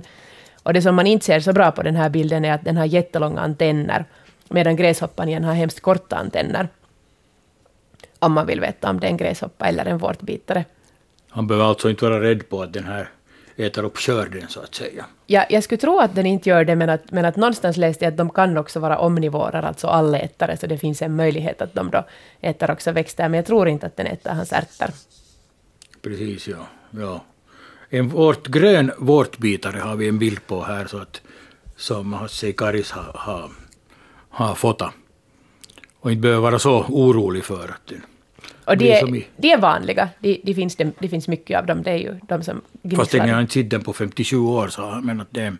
Man hör dem oftare än man ser dem. Jaha, precis. Bra, då fick vi reda på det. Uh, vi hinner ännu med nästa bild.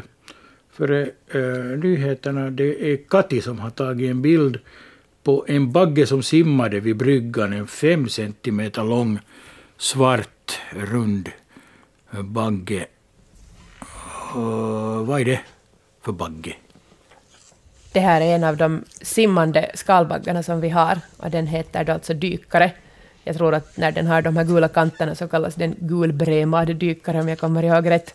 Eh, men det är alltså faktiskt då en skalbagge som, som bor i vattnet och den har, man ser på dens, dens fötter bland annat att de är lite sådär som som paddlar, att den är, det, det, är meningen att den ska vara där. Men flyga kan den ju då också, så att, så att, så att den kan flytta sig från ett vatten till ett annat. Så den här har inte fallit, fallit då så att säga av misstag i, nej, i plurret? Nej, det är absolut där den ska vara och man ska inte rädda den upp därifrån. Nej, så den är hemma där och paddlar vidare? Ja, och de är hemskt stora, alltså faktiskt fem centimeter. Det, de hör till våra större skalbaggar. I förra året råkade jag se en av deras larver och den var också liksom som ett, som ett finger. Den var ganska gigantisk. Hur ser larven ut på till en sån här? Uh, no, som en mask, uh, fingerstor mask som bor i vattnet. Och med otroliga äh, käkar fram till som Ja. de får fånga bytena med. Just det, precis. Och så de paddlar. Vad jagar de där i vattnet Det är ju där de äter säkert. Nå, till exempel småfisk kan de äta. Mhm. Och grodyngel. Och andra insekter. Precis. Det här är ju annars en skalbagge eh, som man brukar få i sina vattentunnor. De, de flyger ju aktivt omkring och söker nya vatten och, och brukar lockas till nya plåttak som ser ut som en vattenyta och sen rutschar de ner i, i rännorna och, och i vattentunnorna. Så det förekommer att, varje sommar att, att man får meddelande om, om sådana här stora skalbaggar i vattentunnor. Är det någon, någon skillnad på sötvatten och, och, och bräckt vatten här då, eller havsvatten för dem? Den ska nog ha sötvatten den här. Den är inte alltså ute i havet. Nej. Jag såg faktiskt en här om dagen i havet, så de kan, de kan men, men vi, vi bor i en vik och, och det är ganska bräckt vatten där, men jag tror att den nog snabbt flyttar sig därifrån. Mm. Men det är alltså inte omöjligt att se dem i havet. Okej. Mm. Och Ja, ju, ju mera bräckt vatten vi får så kanske det blir, de ökar sig där också i våra, våra havsvatten om inte vi får in några saltimpulser från, från, från eh, Atlanten. Klockan närmar sig elva och då blir det eh, dags för eh, nyheterna. Vi återkommer igen efter nyheterna och då ska vi ringa upp Niklas Fritzén som eh, eh och bångar fladdermöss på Valsöarna. Och då fortsätter vi med Naturväktarna i, i studion idag. Som experter är Mimma Ekblad och Hans Hästbacka. Mitt namn är Hasse Sundqvist och tekniker idag som svarar på då ni ringer i telefonen är Staffan Sundqvist. Vi har nu Niklas Fritzén på tråden. Hej Niklas! Hej, hej. Vad jag förstår så är, är det dags att observera fladdermöss ute på Valsörarna i, i Vasa skärgård. Ja, vi har redan hållit på med dem i två och en halv vecka och själv är jag tyvärr inte där för jag, är- jag är hemma och återhämtar mig från en förhoppningsvis helt vanlig förkylning. Men, så jag, du- jag borde vara där. Har du hunnit vara ute alls på Valsörarna? Jo, det har jag nog hunnit. Så det är, den, det är först nu från i förrgår som jag har varit hemma med förkylningar. Precis, berätta eh, varför Valsörarna och, och ja, varför Valsörarna om man ska, om man ska observera fladdermöss? Det ligger ju mitt i Kvarken. Ja, no, det är en ganska lång historia, så jag vet inte om jag Mm, kan dra, dra, dra hela den. Men det, det börjar helt enkelt med, att, med en, en fladdermusart som heter trollpipistrell som man upptäckte i Österbotten först 2010. Och, och det är en migrerande art som ska flytta ner till Mellaneuropa för att övervintra. Och, och man började fundera vad den gör här i Österbotten och en, en hypotes var att den flyger över Kvarken till Sverige på hösten och, och sen ner längs med Sverige till Mellaneuropa. Så det är det här som var hela utgångspunkten till varför vi började undersöka fladdermöss på Valsörarna Mm. 2013. Så, att, så det har no, undersökningarna där har några år på nacken. Och sen har det utvidgats och vi har, får mer och mer sofistikerade metoder att undersöka det här och vi har fått en del trollpipisträllande som har som vi har kunnat dokumentera att de flyger över till Sverige men, att, men det är ganska lite information vi har om dem ännu så vi, vi fortsätter med undersökningarna. Har ni, har ni i år hittat något speciellt där? Ja, fram till förra hösten så hade vi ringmärkt 327 fladdermöss på Valsörarna. Och, men i år, de två första nätterna som vi var där, så kom det en ny art som vi inte har påträffat alls på Valsörarna, inte ens med ultraljudsdetektorer, och det var gråskimlig fladdermus. Och det är en, en väldigt sällsynt art i Finland. Den har nog dokumenterats i Österbotten ett par gånger med ultraljudsdetektorer. Men endast två exemplar har tidigare ringmärkts i Finland, så det här var en, en ja, vi var väldigt förvånade att den, att den kom i våra fällor på Valsörarna. Det låter ju intressant det där. Att det, att det, hur, hur många, ni har väl en egen biologisk station där, Österbottnia Australis, som har, eh, det är väl det som, eh, den föreningen som, Det, det är den föreningen som, som driver verksamheten, men vi har nog haft flera projekt. Det var från 2017 till 2019 så var det inom ramen för ett projekt som hette Kvarken Fladda som, som koordinerades av Forsstyrelsen, som de här större delen av fladdermusundersökningarna gjordes. Men nu fick vi ett, ett jättefint bidrag av Svenska Österbottniska samfundet, deras jubileumsbidrag, vilket gör att vi kan fortsätta och utvidga ytterligare den här verksamheten på Valsörarna. Precis, ja. jag har bett dig titta på en bild som vi har på vår bildbloggen här som, som också kommer från Vasa skärgård. Det är Mats som har skickat in den. Han hittade en, en eh, fladdermus eh, då han renoverade villan. Har du kunnat identifiera den här bilden som Uh, jag, jag, har nog tittat på den, men jag visste inte att den var från Vasa skärgård, så då, då kanske det blir lite lättare också. För I södra Finland finns det ovanligare arter som vi inte har här. Men, men jag är inte, jag, det är inte mitt starkaste område att identifiera fladdermöss utgående från bilder så att jag, jag, är inte säker på att jag kommer till någon helt säker artbestämning.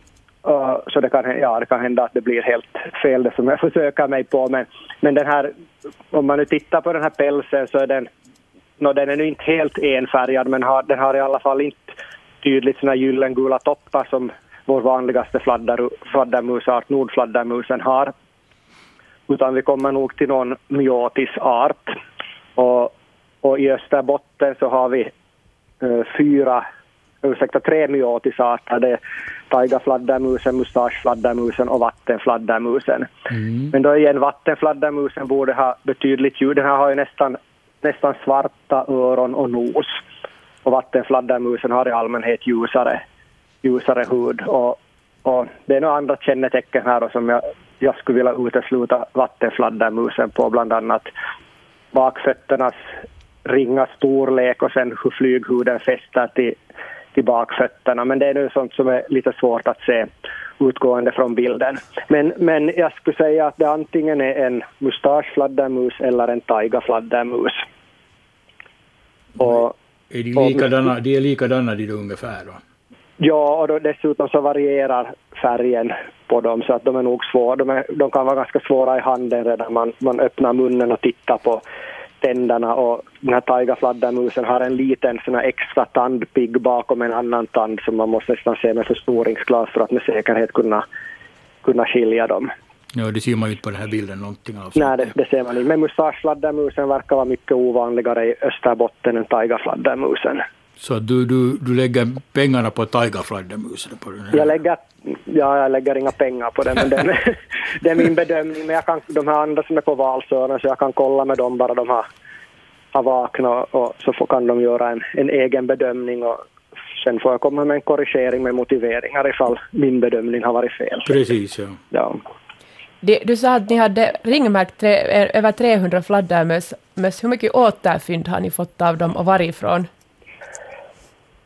Ja, alltså fram till förra hösten så var det 327 fladdermöss så vi börjar närma oss totalt 400 nu.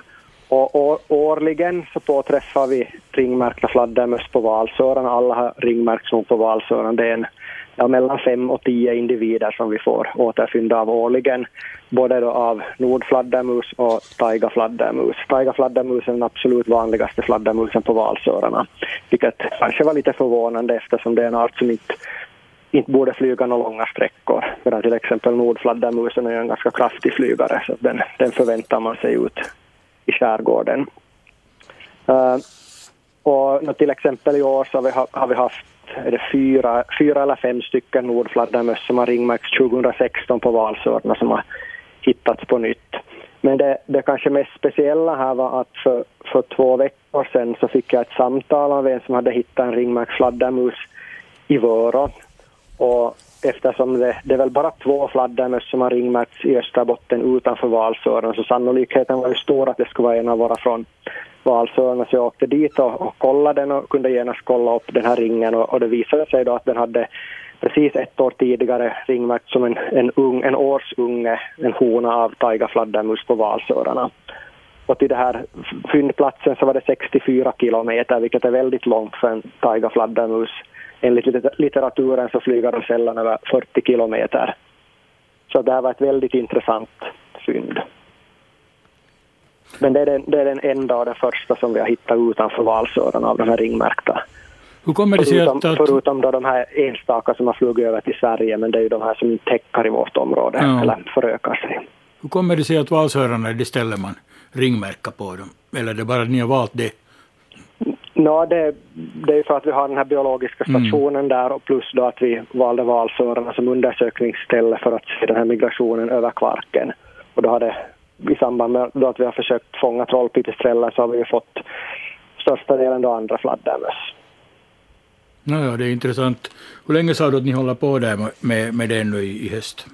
Uh, en, ja, en och en halv vecka till, till den, kring den ja, 12 ungefär slutar vi med själva ringmärkningsverksamheten. Men då har vi som, som målsättning att bland annat undersöka i vilken utsträckning fladdermössen övervintrar på valsöarna. Så vi kommer nästa vecka ännu att sätta några radiosändare på, på åtminstone nordfladdermöss för att se om de blir kvar på valsöarna och övervintrar eller om de flyger bort därifrån. Ja, så får vi, får vi höra mer om, om de här sakerna sen. Ja.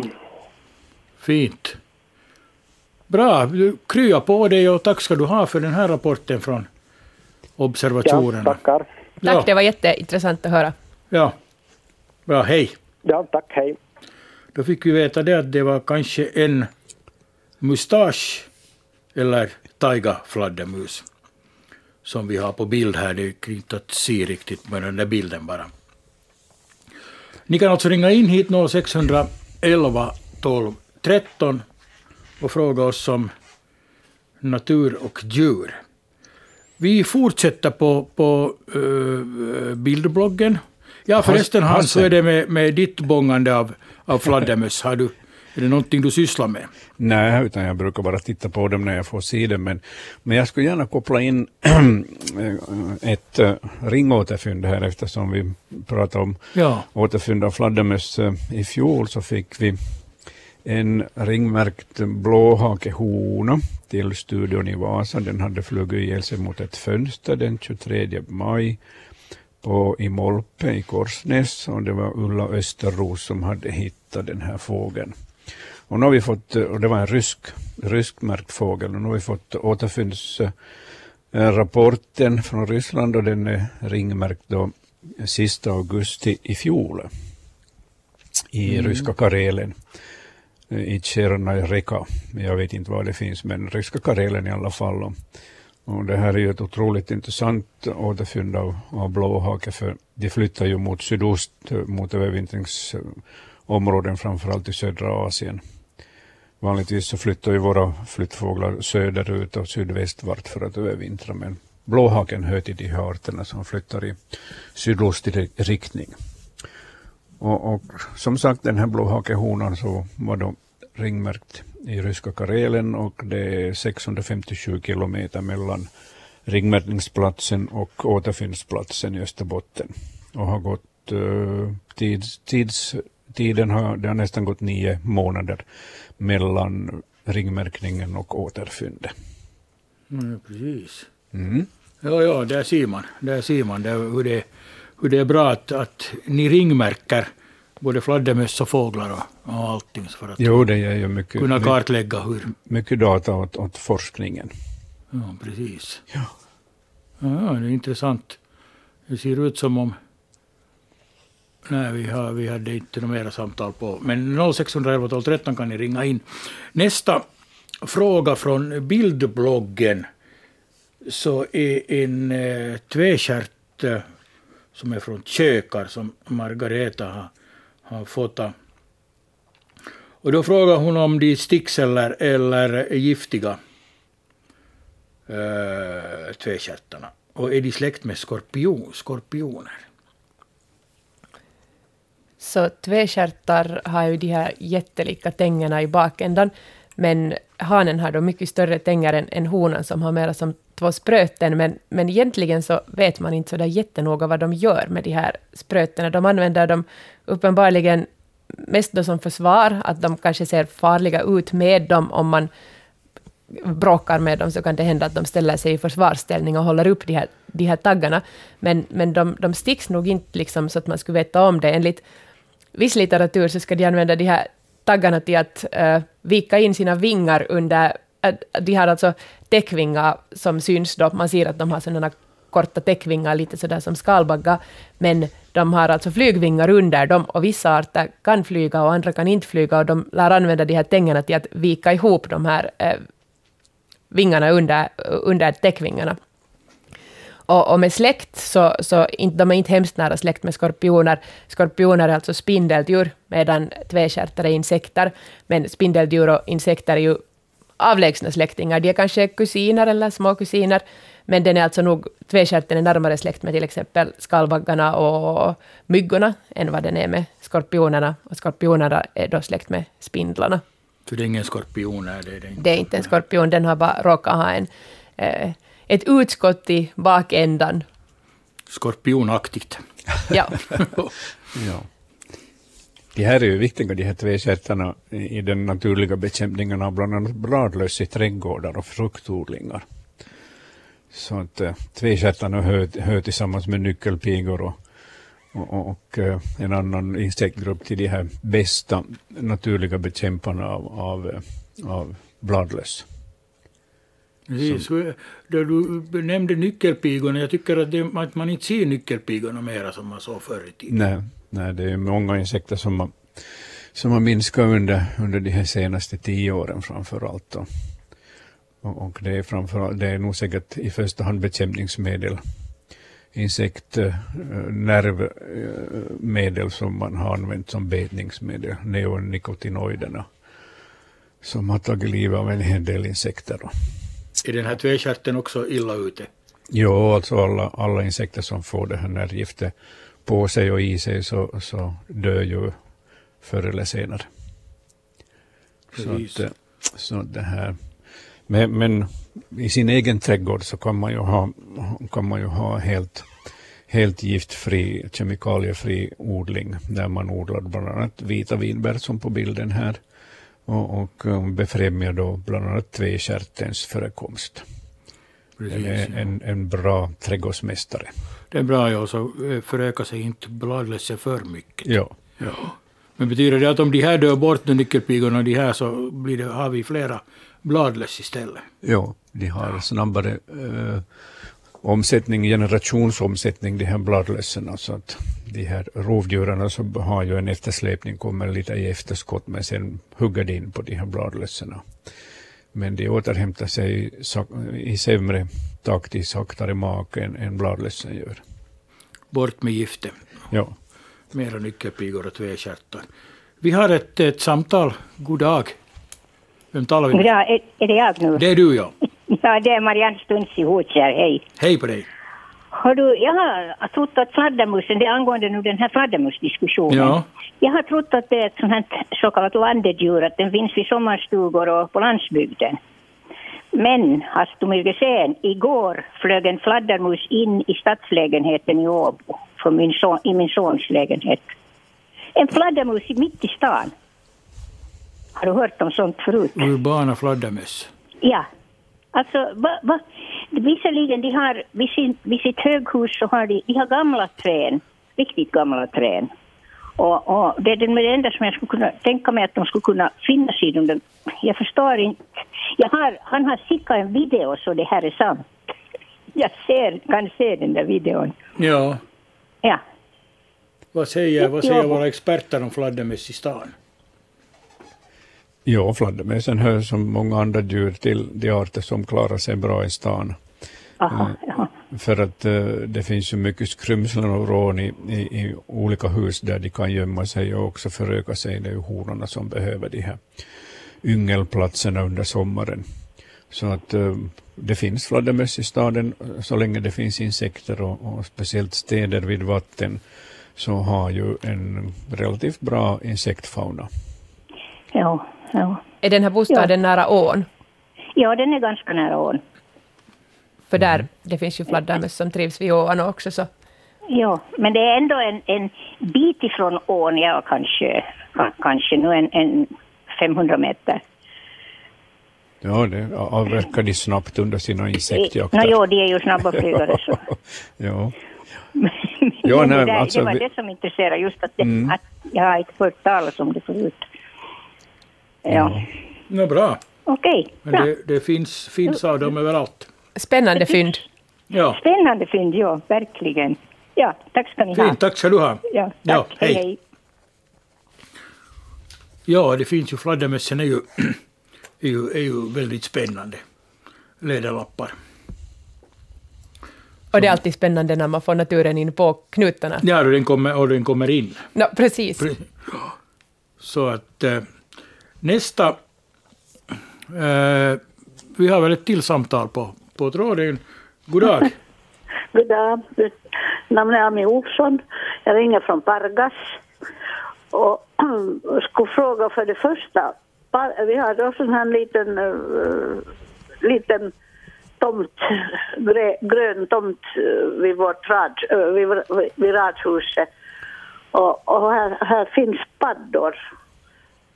Och, och jag skulle då fråga att vad kan de livnära sig på när, när gräsmattan, under gräsmattan finns det makadam, mycket lite gräs alldeles.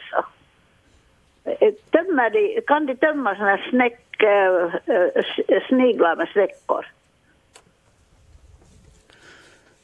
Jag tror inte att de äter, äter de här sniglarna som har hus, utan, utan de äter huslösa sniglar. Och, och sen äter de ju maskar, dagmaskar, de äter små grodor, små mössu- mössungar, alltså paddor är ju allätare när det, Jaha. gäll, när det gäller maten, så att det, det finns säkert tillräckligt med mat för dem eftersom de förekommer där. Just, just det. Det Okej. Och sen en annan sak, eftersom det här är en liten grö, eh, radhus med små gröna mot gata, visserligen men med gräsmatta mitt emot. Eh, så eh, här har funnits, eh, jag har flyttat hit 2000, alltså från sommaren 2013 sporadiskt några gånger har det funnits Apollofjäril. Liksom också nu i sommar för cirka tre veckor sedan. Jag skulle skriva upp datumet, jag har, jag har glömt att skriva det. Så, så flög här fladdermus några dagar. Nej, fladder, förlåt, Apollofjäril. Skulle man meddela om, om det i sommar, att om man har gjort, sett såna äh, sett äh, Apollofjärilar? Jag vet inte om att de har någon pågående samling om Apollofjärilar, men den är ju, är, ju, är ju rätt hotad, så det lönar ju sig nog att, att meddela. Just det. Och vart ska man då meddela? Till exempel så finns det den här portalen Lajipiste.fi. Jaha, ja. Och där kan man skriva in fynd av, av egentligen vilken art som helst. Just det. Okej. Men jag får tacka för det här. Eh, för att jag har funderat här på, på tomten så finns flera sådana här tömda uh, snigelskal. Skal. Och därför började jag fundera, för att jag har haft en liten padda här, att, att det är den som har tömt den, men det är nog säkert några fåglar då. Trastarna äter i alla fall också såna... Okej, no, det har nog inte synats vad, vad jag kan säga. Jag har nog inte sett trast. No, okej, men alltså, no, här finns nog, flyger sparvar och flyger nog små fåglar. Och skattor. Det, det, det, det finns och, och kajor.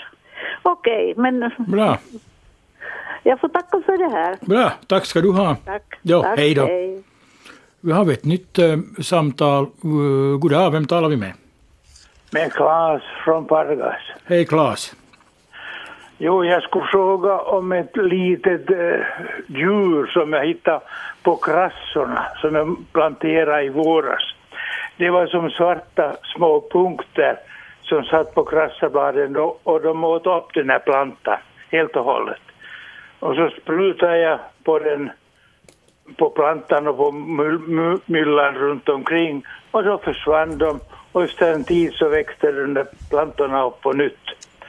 Men jag hade ett, det är ett litet land på dryga kvadrat och det var planterat dit luktärtor, ringblommor och blåklint och krassorna. Men det var endast krassorna som fick de här små djuren på sig.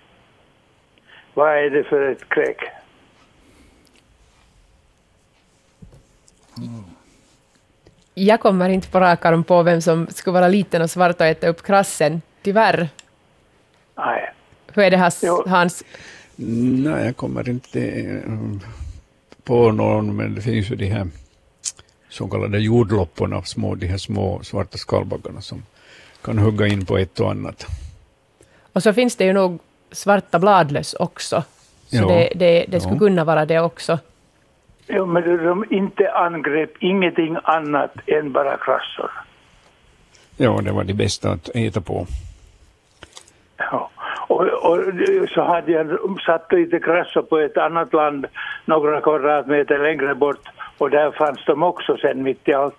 Och det sprutade också med sånt eh, gift nog bevars. Men, men de försvann därifrån också och de har blommat bra efter, efter den här behandlingen. Men jag undrar lite om, är det något återkommande? Vi har aldrig haft på 20 år något sånt här förut. Det, jag, jag ska ta reda på det och sen ska vi skriva in det i bloggen kanske, eller var sätter ni det? Ja, eller om ni kan säga, prata om det nästa gång ni, No, vi, vi ni har ser, sändning. ja, det är ju en månad till nästa sändning så att det är ju lite längre tid. Men, att, men Ja, att den som väntar på något gott så. Ja, så gör vi. Okej. Bra, men tack ska du ha Bra, för det här. Tack. Vi Hej. hinner, väl, vi hinner ta in ännu ett samtal före eh, nyheter på lätt svenska. God dag. Hallå ja. Goddag. Ja, hej. Hej. Det är Britt från eh, Korsholm. Hej Britt. Det här, i förra veckan, mitt på dagen, så var jag ute vid villan i Köklot och plötsligt kommer en stor fågel ganska lågt mellan granar, två granar, rakt som mot villan och hade ett ljud som lät som ett gångjärn som är osmort, som det gnällig ljud.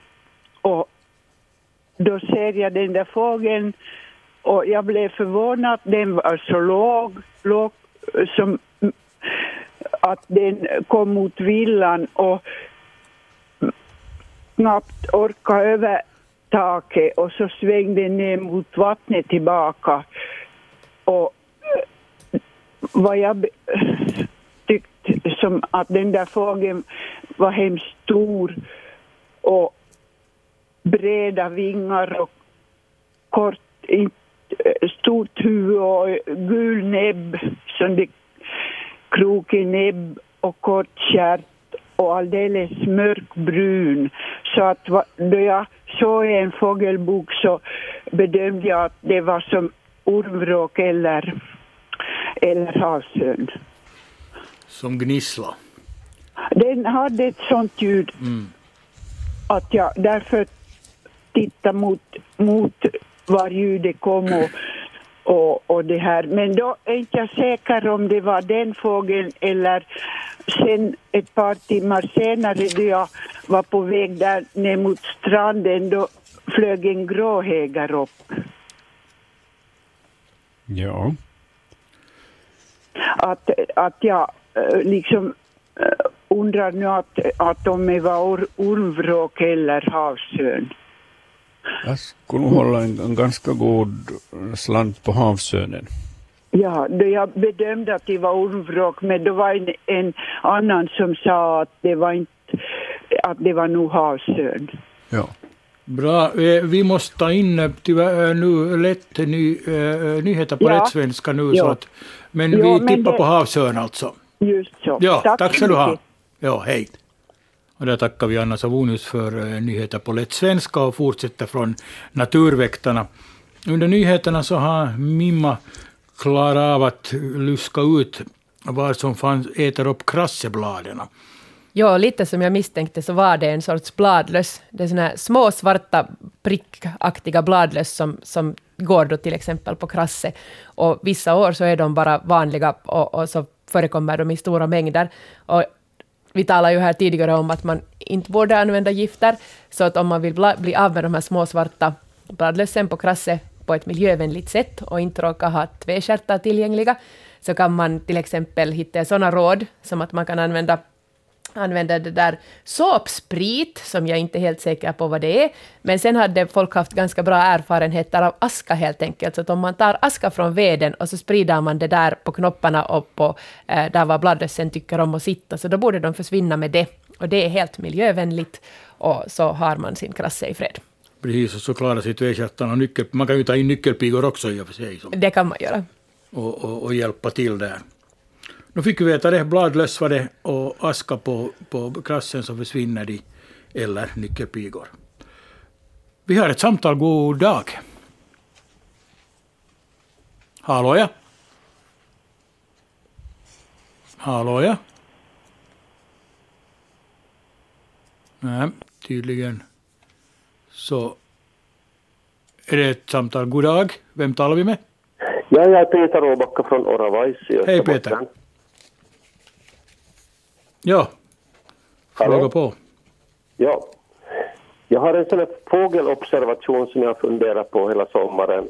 Eh, jag var till Storsand i Munsala där i början av juni. Och så gick jag där. Eh, omgivningen var ju eh, ett sånt här glest tallbestånd, tallskog. Och det kom en fågel snett bakifrån. Storleken var ungefär som en falk. Och... Eh, hallå? Hallå, hallå? Ja, ja. Just det. Nu var det så tyst. Men, Ja, vi den- väntar. Flög som en falk och, så, och eh, storleken var som en falk. Eh, färgen var då eh, två nyanser av brunt. Det var inte spräcklig, utan jämn brun färg. Eh, det som var sådär utmärkande, speciellt som jag la märke till, det var att eh, det fanns en, en rund, rund, tydlig vit ring, eh, eller rund fläck på, på vingen med en svart ring runt den där vita fläcken. Vad i världen kan det där vara?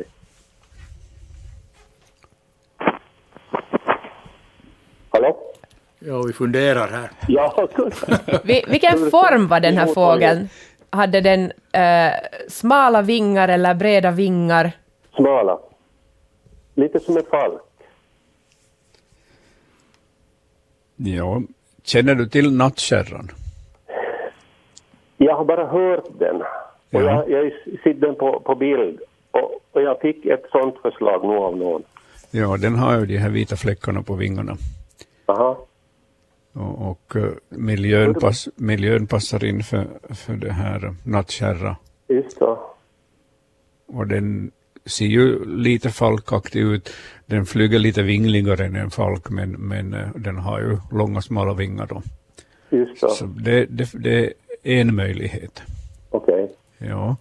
Hur var det med svarta ring, ringar runt det vita? Nå, det ska de inte ha. Nej. Eh, du, är du säker på de där svarta ringarna? Ja, jag skulle nog säga det. Det, det, det var som, så väldigt tydligt det där Jo. som, som jag observerade. I vilken ända av vingen fanns den här vita fläcken?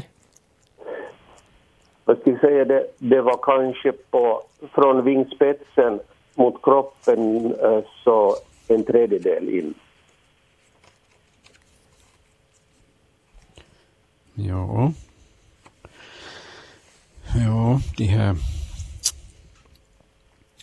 Nattkärran har ju dem relativt långt ut på vingarna, de här vita fläckarna. Var det, eh, jag hade fläckar. Det här var en enda fläck. Ja, en på var vinge. Ah, ja, okej, Mm. just det. Ja. Men de, de går ju nog underifrån så går de i sån här en vacker brun nyans, kroppen och delar av vingarna. Jo, det var vacker, vacker nästan kop, koppar. Mm. Så det ljus, eh, två nyanser tyckte jag att det var av den här vackra bruna färgen. Ja, färgmässigt så, så passar ju också tonfalken in, men, men den ska inte ha sådana vita fläckar inte. Ja, och biotopen kanske inte riktigt tonfalk. Ja. Ja, de kan ju häcka i kråkbon, gamla kråkbon och skatbon i, i skogskanter och skogsholmar, så att det är inte Mm. uteslutet. Men jag, jag skulle nog hålla en, en god slant på, på nattkärran. Det, det, det tror jag nog också. Den har så tydliga de där vita strecken Mm. och sen så, så kan det liksom se ut som om det skulle vara mörkare på insidan av dem. Ja. Mm. Så vi tippar på nattkärran här nu. Ja, vi, Ja. vi köper det. Ja, bra. Jag Fint. har fått ett sånt förslag förr också. Så det, Ja, uh, ja bra. Okej, Tack ska du ha. tack, tack. Ja, hej då. Och vi har ett, ett nytt samtal. God dag. Vem talar vi med? Är det mig ni talar med? Jag hoppas det, ja. Okej, jo, jag heter Lucy. Lucy också, jag är här på Kalvön, Hej Lucy. väster om Emsalö. Ja, Jag, har- jag har bara en sån här fråga som alltid ibland har uppstått här längs med sommaren. Vad händer om en hund eller en människa råkar få i sig en, en fästing? om man äter upp den. Ja, vad händer då? Då är det nog synd om fästingen. Jaha. Men den har ingen, det inverkar inte på människan på något vis. Uh, nej, vi har så pass stark magsyra att jag tror nog att alla eventuella bobbor som den fästingen kan bära på så dör där med samma. Det är ju ganska intressant. Jag vet för att det där, man har ju talat om alla de här hjortdjuren och andra som också har fästingar på sig och de är ju själva immuna mot fästingens eh, virusar och bakterier. Och när man äter det där köttet av dem kunde man tänka sig bli immun mot, mot ska vi säga borrelia eller något annat. Nej, det går nog inte. Det är inte, det är inte i köttet som immuniteten sitter, det är i blodet. Mm, men i- kött finns ju också blod. Men det, det, är de, det är de vita blodkropparna som gör att man är immun. Okej. Och, och, och du får nog inte i dig de vita blodkropparna genom... Det skulle vara hemskt praktiskt. Det skulle vara ett bra sätt att... Det skulle vara perfekt egentligen, så skulle man inte behöva någon vaccin. Det, ja, det skulle vara ett naturligt vaccin. Ja. Tyvärr. Okej, nå ja, men det här var svar på min fråga. Så att... Synd om fästingen om den, om man, den blir uppäten av oss. Ja, precis. Ja, Bra. tyvärr ingen immunitet. Nej. Tack ska du ha. Tack, tack. Tack. Ja, hej. Har vi månne några flera samtal? Vi har ännu ett eh, samtal där. God dag. Vem talar vi God med? dag på dig. God dag på dig. God dag. Det var Henka Norra Korsholmen. Hej på dig. Hej. Hej, hör du.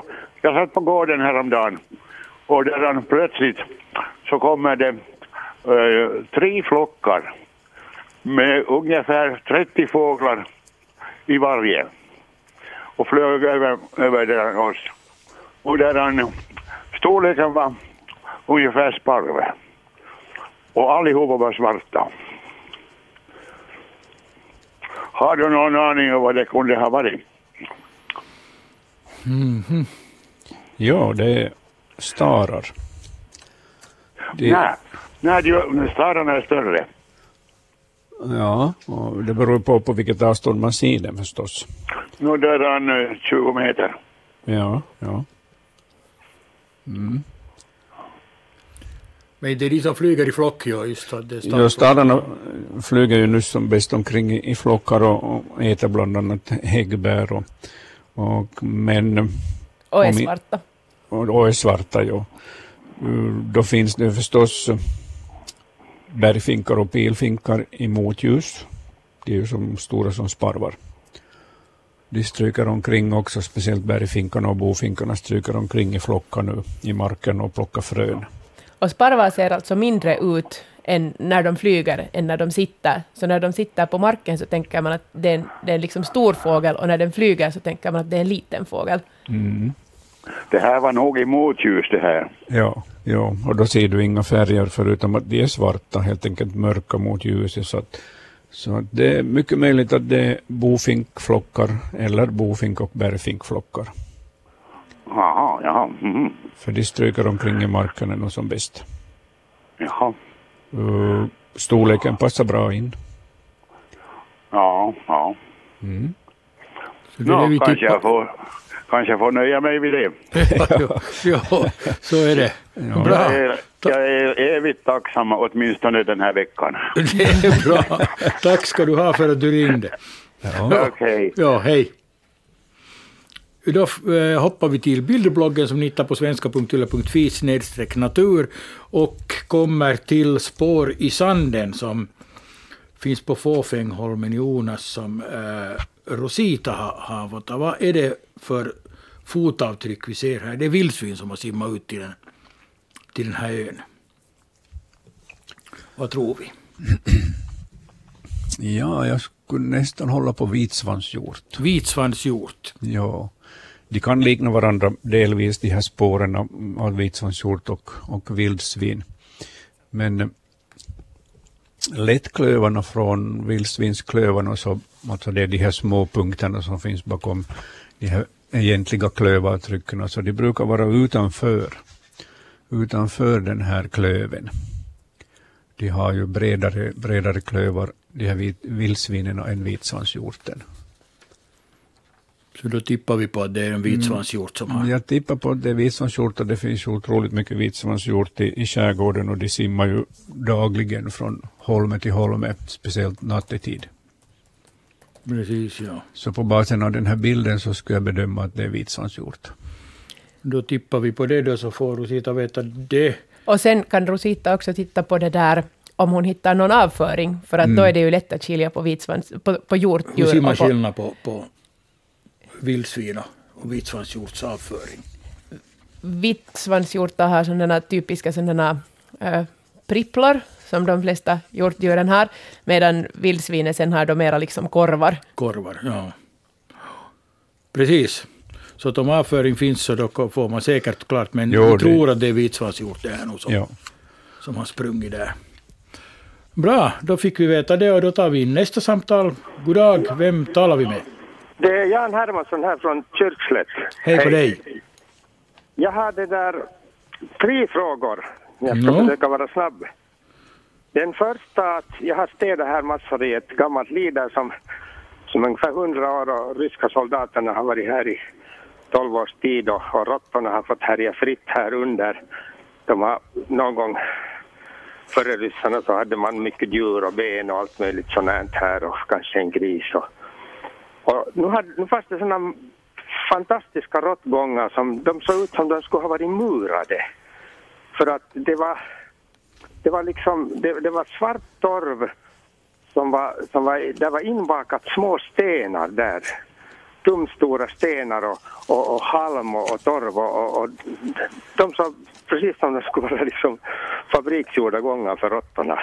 Är de, är de så skickliga med avföring eller spott eller är det bara det att de rör sig så många gånger igenom och, och, och, och, och det blir sen gånger på det sättet. Ja, kan det finnas murarråttor? Jo, de kan, de kan nog aktivt eh, förbättra de här gångarna, alltså väggarna i gångarna. Så att ja. Det förvånar mig inte alls att de har, att de har packat löst material in i väggarna. Precis. Mm. Okej. Okay. Andra frågor.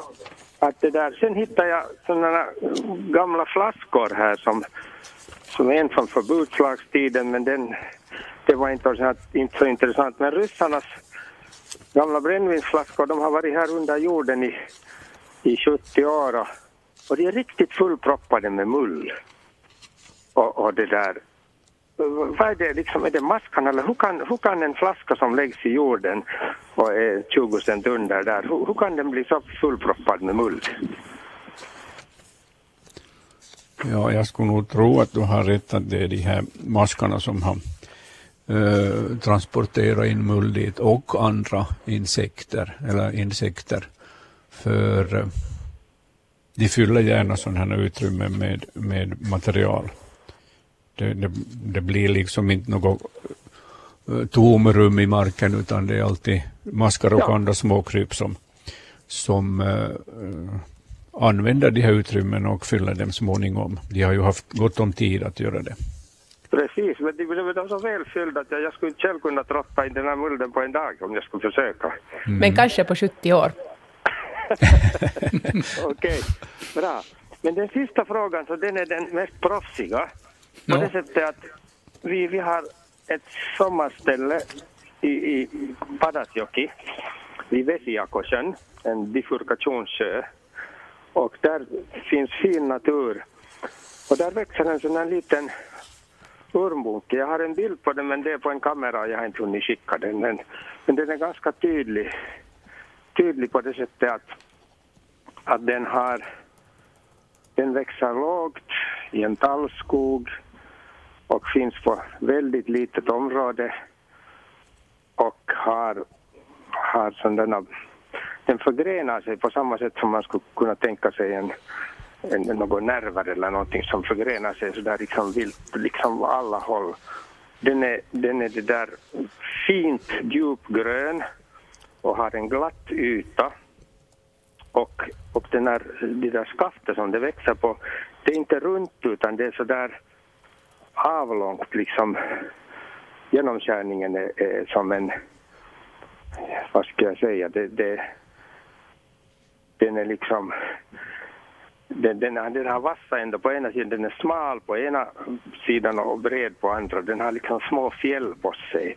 Och den har använts förr där i de där trakterna till, till gravkransar för att den är väldigt seg och, och glatt och den håller ganska länge i, i kransen. Jag har faktiskt själv gjort fyra kransar av den åt diverse bortgångna, senast min mor här. Och jag undrar, den är kanske fridlyst, jag undrar vad det är, det är en lav eller en en, en, det där, en ormbunk eller det räcker, räcker beskrivningen. Vad tror vi? Ja, ja, när jag hörde beskrivningen så försökte jag då tänka bara på ormbunkar och, och ormbunkar ser inte ut som lavar och när, när frågan sen var att är det en ormbunke så, så undrar jag ju att, att skulle det vara lummer? Är den, är, den, är den så smal den där, där skaftet att det är under centen? Det finns inga skaft som ska vara en cent utan de är, de är en halv cent breda och de är två milli tjocka, tre milli tjocka. Uh, alltså den lilla ormbunken som finns så det är ju stensöta och den blir då kanske... Ja, det, den är inte, nej, den, den har tydliga blad. Den här har inga blad alls utan den har bara, bara sån en, sån en, ett skaft som, som förgrenar sig som en nerv. Man föreställer sig en, en nervtråd någonting. Den, den har bara en, en tjocklek, en liten stam ner till men sen är det bara liksom en, som en tät buske som förgrenar sig. Som små, små barr eller något sånt? Förlåt? Att som, ser, ser det ut som små barr men mjukare? De blir mycket bredare och de har såna små, små eh, kanter på sig. Sån där, den påminner om, i miniatyr om, om en araucaria, en sån där uråldrigt träd från, från som jag har sett i Chile som har sådana, sådana liksom, uh, vad ska man kalla det, som, som fiskarna har på sig, det vill säga fjäll. Den har, den har liksom, det, det, det som ska vara uppbyggda av miniatyrfjäll. Men den är väldigt slät och de är inte så tydliga de där fjällen. Men det är såna små, den är naggad i kanterna hela vägen. En... Men mycket lite lummer eller fräken, tänker jag, men det där... Men... En fräken är den inte, det, det vet jag. Jag tror nog Mimma är på rätt spår att det är en lummerart, men kan du skicka in bilden till... Jag skickar till nästa gång. Ja, gör så, gör så, mm. så får vi ja, se vad det är. Det, den är väldigt fascinerande. Ja. Knepig fråga. Mm. Ja, bra. Men skicka bild så får vi veta. Sådana behöver ni. Ja, precis. Bra. Tack så mycket. Tack ska du ha. Hej. Hej. Nu måste vi, eh, före vi tar in nästa samtal så ska vi gå till bildbloggen. För vi har fått in en bild från en elev i Dalsbruks skola som har kommit och frågat läraren vad en växt heter. Hon har inte hittat växten så hon eh, beslöt att kontakta oss här på, på Naturväktarna för att få det rätta svaret. Uh, hon frågar, är det här en släkt med potatisen? Det är Sylvia Vonne som har skickat in det här. Vad säger vi? Har vi, har vi ordning på det här, vad det är för någonting? I det, bruk. Det är definitivt släkt med potatisen, för det är en, en, en solanum. Ja, varför uh, Den latinska namnet som någon ville ha här, ja. så det, det är solanum. Men jag tror att det här är den som jag inte själv har råkat ut för, det vill säga den som ska heta nattskatta. Uh, som heter Solanum nigrum. Ehm, de här är alltså släkt med potatisen och de är giftiga nu till att börja med, så man får absolut inte, inte, äta. inte äta de här. Men det där, de har bara de här uh, frukterna här och frukterna är liksom gröna på, både, på båda de här nattskattan och bäsksötan. Men bäsksötan har lilafärgade blommor och nattskattan ska ha vita. Och jag tycker mig se att här skulle vara vita blommor. Och sen får den, ni kan också följa med vilken färgs bär det blir, för blir de svarta så är det den här nattskattan och blir de röda så är det bäsksötan. Men jag skulle, jag skulle tippa på den här nattskattan. Nattskatta. Mimma, det finns uh, tre bär nere på växten och det är alla svarta. De såg jag inte, så, men bra, då, ja. då, då, har vi, då har vi det, det. nattskatta. Nattskatta, ja. Försedd med två kors i, i, i, i böcker. Så mycket giftig. Mycket giftig, inte äta. Nej. En nattskatta i dags bruk. Bra, och, då fick vi veta det. Och släkt med potatisen. Och släkt med potatisen är den. Vi har tre minuter kvar av sändningen. Vi hinner ta in ett samtal. God dag, vem talar vi med? Det var Kristina Mattsson, hej. Hej. Hördu, jag var här i juni, så vaknade jag på natten av ett konstigt ljud och jag antar det var något djur eller fåglar någonting. Och jag har aldrig hört det här och jag bor i Vasa, ganska i centrum. Och jag har här en sån här ljud, om jag får det lyckas där. Så ja. jag ska sätta på här. Så jag har till och kommit någon så sakta så. Det hörs inte dit nå. Tyvärr inte. Nej, vi hör inte. Ja, jag skulle ha tagit på video här, men jag fick inte. Och jag vet inte, det lät så konstigt, men om inte jag får fram här nu heller på ljudet så... Kan du härma det? Nej, det är ui, ui, ui, ui, ui, någonting det liknar. Och så knorrar det emellan. Och det var på natten? Jo, ett tidigt på natten och mitten av, jag såg att det var filmat 15 juni. Knisp, knisp, knott, knott, knott. Kan ja, någonting sånt ja, liknande. I, I så fall är det en morkulla som flyger över stan på sin uh, spelflykt. Hannarna flyger på sådär och de har just sån där knisp, knisp, knort, knort. Um, Jaha. Så Jaha, nej. På basen av din, på, morkulla. Morkulla. På basen av din beskrivning så skulle jag säga att det är morkulla. Jo, nej, du, jag, jag steg inte upp, jag sov på balkongen nämligen. Ja, ja. Ja, ja, men det var någonting sånt. Vi har bara aldrig hört det förut, så jag tänkte ja. vad det var för något. Men du får gärna, skicka, du får gärna skicka in, in ljudet också till, till Naturväktarna. Jag hade skickat dit och så hade det försvunnit. Jag har skickat upp för länge sedan dit i bildbloggen men, men ja. kanske jag inte fick dit det. Men jag ska försöka på nytt. Ja, skicka på nytt. Skicka Bra, på nytt okay. ja, så får vi se på ja. eller få höra på det. Men morkulla så ja. tror, tror Hans att det är... Just det, bra. Tack ska du ha. Ja, hej. Hej på dig. Vi hinner ännu ta den näst sista frågan på, på, i bildbloggen. Det är ett ide. Vad är det för ide vi ser här? Är det, är det björn? Ja, nu liknar det mycket ett björnide det där nog.